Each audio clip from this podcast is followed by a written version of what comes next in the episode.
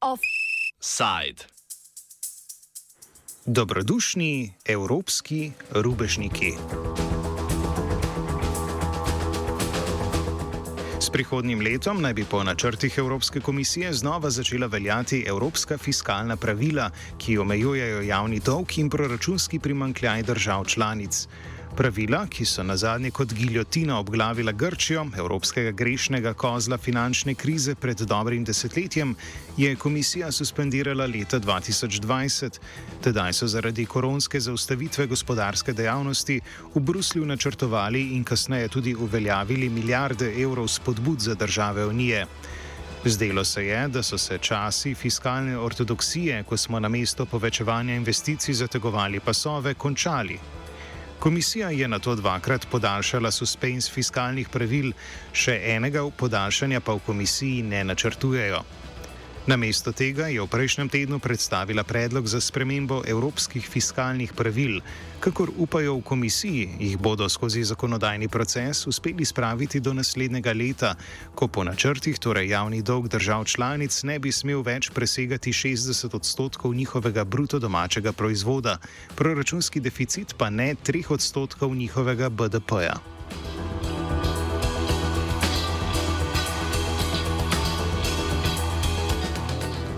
Po besedah Evropskega komisarja za gospodarstvo Pavla Gentilonija je predstavljeni predlog namenjen predvsem kompromisu med članicami. Nemška vlada namreč ustraja pri fiskalni varčnosti, čemur se je Evropska komisija s predlogom skušala približati. A nemškega finančnega ministra Kristjana Lindnerja, sicer liberalca, predlog še ni prepričal.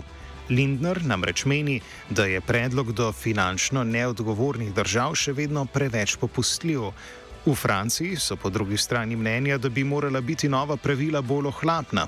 Italijansko vlado pa skrbi, da ne bo mogla do konca porabiti vseh evropskih milijard, deklarativno namenjenih zelenim tehnologijam in okrevanju gospodarstva po koronski krizi.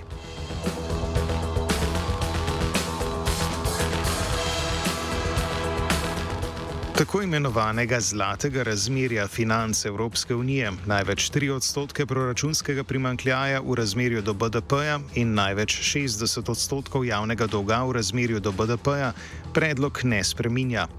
Ne na zadnje imamo deset let fiskalno pravilo tudi v slovenski ustavi.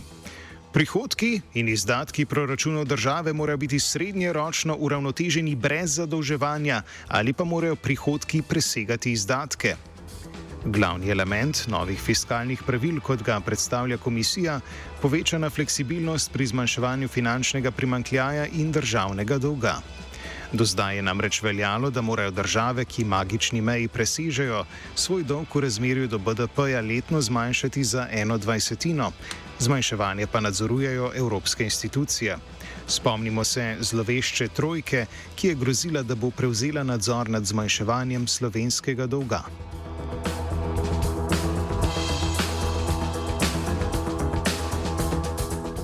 Po novem predlogu bi države morale državni dolg v razmerju do BDP-ja zmanjšati za pol odstotne točke na leto.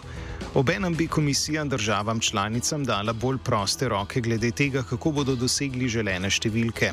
Torej, poenostavljeno povedano, ali bodo namesto tega, da bi zmanjševale državno porabo z investicijami, povečevale BDP, s tem pa zmanjšale razmerje med porabo in BDP-jem. Države bi lasten manevrski prostor ohranile štiri leta, na kar bi za vsako državo komisija ocenila stanje. V primeru velikega odstopanja od pričakovanj bi lahko rok podaljšali še za tri leta ali proti državi uvedli ekonomske sankcije. Več o spremembah, ki jih uvaja predlog Evropske komisije, pojasnjuje Matijas Goldman, profesor na univerzi EBS v nemškem Badnu in raziskovalec na inštitutu Maxa Plancka. There is quite a lot that changes. So um, I think the the logic is quite different. Even though the the main figures, like the three percent rule for deficits and the sixty percent rule for debt, does not change. Um, a lot of the mechanics, how you calculate that, does change indeed. And the most important shift is a shift from a, a debt and deficit rule to an expenditure rule. So that depends on how you calculate.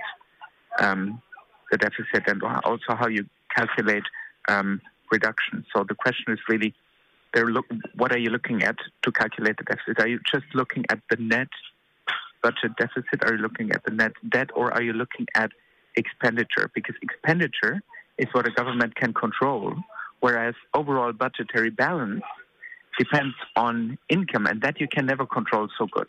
So this is the major shift, a shift from a debt rule to an expenditure rule, which is less dependent on cyclical development. That sounds a bit complicated, but it really makes a lot.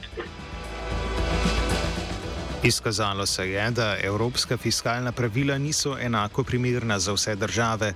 Poleg tega se ta ali ona država na vsaki točki znajde v kršitvi pravil, posebej seveda v zadnjih treh letih. Evropsko gospodarstvo je najprej zadev COVID-19, potem pa še vojna v Ukrajini. Gospodarske probleme, s katerimi se spopadajo države Evropske unije, predstavi Dušan Mramor, profesor na ekonomski fakulteti v Ljubljani in nekdani finančni minister. Problem, problemov je tukaj predvsej zaradi tega, ker so razlike med državami ogromne. Eh, popolnoma logično je, recimo takrat, kadar gre cela EU v krizo, da bo ta kriza bolj udarila te južne države kot severne države, ki so kor, ki imajo v bistvu eh, os, os, največji del recimo gospodarstva, ki ima eh, zaključne proizvode, ki proizvaja proizvode kot recimo avtomobile, uh, je to končni proizvod, medtem ko imaš pa ti v teh južnih državah, recimo če to damo kot primer, uh, pa samo delno proizvode, ne, sestavne dele, ki jih v bistvu potem uporabijo v teh kor državah za izdelavo končnega proizvoda. In če ti gledaš potem, ko pride do krize, kako se prilagajajo gospodarstvo, vidiš, da v bistvu pri končnih proizvodih imaš ti lahko padec vem, prihodkov 10%, medtem ko je v južnih državah, ki pa sestavne dele dobavljajo, imaš pa lahko 20, 30, 40 odstotni padec, zaradi tega, ker pač te države, kor države, del teh težav prenesejo na južne države. Tako ni čudno, da je potrebna sprememba pravil, vendar to verjetno ni edini namen. Je cilj predloga tudi reševanje koncepta fiskalnih pravil samega po sebi? Oh, yes, definitely. Yeah. It's, uh, you know, all the research that has been conducted over, I would say, the last 20 years showed the difficulties we have with fiscal rules. There is no rule, no, there's no evidence in uh, in science in in economics that a rule like the 60% deficit rule would really be sustainable uh, over a longer period of time for any state. Rather, all we know is that you know debt levels aren't all that matters. You also have to look at interest rates. You also have to look at an individual country's export position, etc. So uh, we're coming to a much more individualized consideration of fiscal stability and fiscal sustainability, if you so want. And I think to the extent that it is possible, the new proposal of the Commission tries to uh, shoehorn that into the existing 6% and 3% rules, which are merely symbolical. They're, they're like, you know, they're um, like warning lights. And uh, once a country crosses them, a light goes off, but it doesn't mean automatically that you get fined. Yeah. So, so indeed, yeah, it's the attempt to find a system that is based much more in individualized decision making rather than on strict abstract general rules.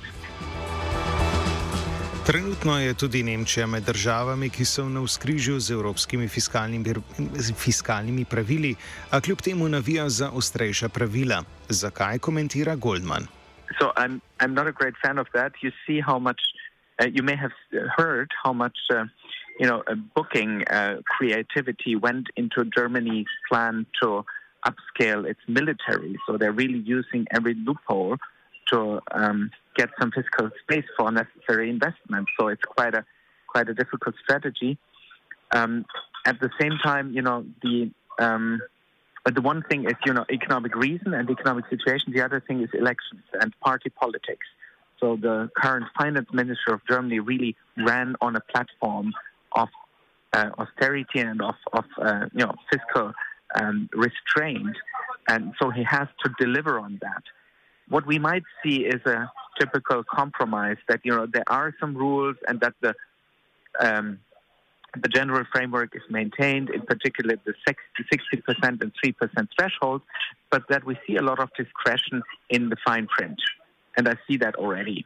Yeah. So that, you know, he can go around and say, okay, I maintained the rules, I fought for a rules based legal system, but ultimately it's, it's not going to be so rules based after all. And Germany has shown quite some interest in enabling investments, which is another point where I think the Commission has not gone as far as it could. The question is really how you count um, investment.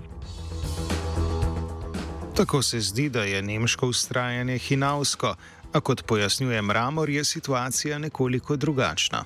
V 2002 pa 2003 takrat sta Nemčija in Francija odstopali od pravil 3 odstotkov primankljaja. Uh, in takrat se je nekako v glavah ljudi uh, vzpostavljena slika, da Nemčija pač je taka, ki ne skrbi za zelo zdrave javne finance. No, ampak to ne drži. Zdaj tukaj v tej krizi je ta finančni minister Šojble uh, uspel spraviti uh, praktično na 60, pod 60 odstotkov BDP-ja zadolžitev in je bil zelo ostar tudi v Nemčiji sami. Tako da Nemčija ne bi rekel, da je velika kršiteljica in da ima zelo hlapno fiskalno politiko. Evropska komisija v predlogu govori o tem, da bi po začetnih štirih letih reševanja morala država pokazati vidno spremembo v razmerju dolga in bruto domačega proizvoda, kar je zelo nejasno merilo izboljšanja. Goldman meni, da je uporaba takšnega jezika namerna. This is intentionally vague. This is ex exactly one of those points where a lot of discretion can go in into the application of the framework and where it really allows, also in a good sense, you know, to to react to a specific situation of a country. So, you know, some countries have um, problems that other countries don't have. If you just look at gas, how much it has affected some countries, not not just Germany, but also Italy, also uh, Poland. I don't know so much about Slovenia, but I think it's also one of the countries that are more affected by the rising gas price than others. Um, so, if something like that happens that only affects few countries, then it's really good that you can react to that specifically and say, okay, you know, there's a debt to GDP ratio change that, given the circumstances of the situation, rising gas prices is satisfactory for us. Yeah? So you've done the utmost that one could expect from you in this situation. But the number of causes or the number of, of um, that might go into this calculation is almost is, is, is too complex to to uh, put down to in, into any concise formula. Kako, oziroma enako nejasno je to, kako bo Evropska komisija spremembe iz predloga uveljavljala, če pride do kršitev. Sploh ima moč, da jih uveljavlja. They could in theory, but the point is that um, it is to a large extent up to their discretion to determine what the rules mean in a specific instance. So um, I don't really think we should take this um, we, we, we should really take this as seriously as it may sound because um, if you can define what is an appropriate adjustment path or what is an appropriate debt to GDP ratio, um, then you basically have it in the hands, in your own hands, whether you need to enforce rules or not. And um, we're more likely not to see any kind of enforcement action in terms of fines than we are. So I, I think it's quite it's, it's quite it's quite improbable that there is going to be any such enforcement. Fiskalna pravila, kot jih pozna Evropska unija, so bolj izjema kot pravilo. Večina držav takih mehanizmov ne pozna, pred vstopom v unijo tudi Slovenija. Oblikovanje fiskalnih pravil v Evropi predstavi Mramor. Bilo je v Maastrichtu 3 odstotke, pa 60 odstotkov, to je to je že od vsega začetka, vendar je potem, ko je prišla do te krize, v kateri, kot veste, so določene države eh, dejansko prišle v ne samo likvidnost, v solventnostne probleme, se je izoblikoval takrat v krizi stališče v teh, rečemo, severnih držav, da so fiskalne politike južnih držav eh, zelo neodgovorne in da zaradi njih so bili tisti z ogromni problemi, ker je EMU, se pravi to Evropsko denarno področje, eh, bilo pod velikim vprašanjem, bo sploh preživelo ali ne. In zaradi tega uh, so takrat forsirali te severne države dodatna pravila, ta six-pack, kako bi paket šest uh, v letu 2011 je bil sprejet in veljav od tam naprej.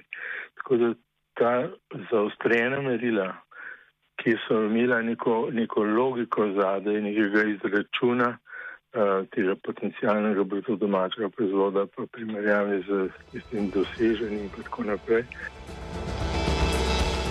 Najbolj pa so fiskalna pravila na Slovenijo vplivala med finančno krizo pred desetletjem. Kako povem Ramor? Ja, takrat smo bili tako v krizi, kot so bili ti. Se veste, da smo bili tik pred tem, da bi trojka prišla v Slovenijo. Uh, in takrat nismo imeli kaj dost manevrskega prostora, enostavno smo morali ta pravila sprejeti, uh, diktat uh, sprejeti in probati preživeti. Tako da za Slovenijo, pa po izračunih, ki jih je naredil ta uh, EIPF, veliko bole, uh, po tistih izračunih je Slovenija v bistvu najbolj, naj, najbolj nepravilno. So ti izračuni prikazali stanje Slovenije in najbolj napačne naloge dali uh, skozi to krizo. Tako da, da ja, tukaj bi rekel, da Slovenija je pač takrat, ko potegnila. Uh, moram pa reči, da ni bilo kaj dost uh, protestiranja, ker takrat, ko si v taki situaciji, kot smo bili, takrat se moraš v bistvu delati, ne se ne upirati, ker pa noč v bistvu imaš veliko težav, tako kot jih je recimo imela Grčija, ki ni želela sprijeti stvari, ki jih je zahtevala Evropska komisija in EU. Po eni strani so predstavljene spremembe velike, saj uvajajo nova pravila za zmanjševanje dolga. Po drugi strani pa se ohranja okvir za razmerje dolga, ki se je v preteklosti izkazal kot neustrezen. Evropska komisija torej spet sklepa kompromise, ki uvajajo le površinske spremembe. Ta zadnji kompromis je bil namenjen miritvi nemških fiskalnih strasti, česar zaenkrat še ni dosegal. Cilj, ki se ga je za uvedbo sprememb zastavila Evropska komisija, tako ni preveč uresničljiv. Za proces, ki lahko traja tudi več let, so si namreč odmerili le sedem mesecev.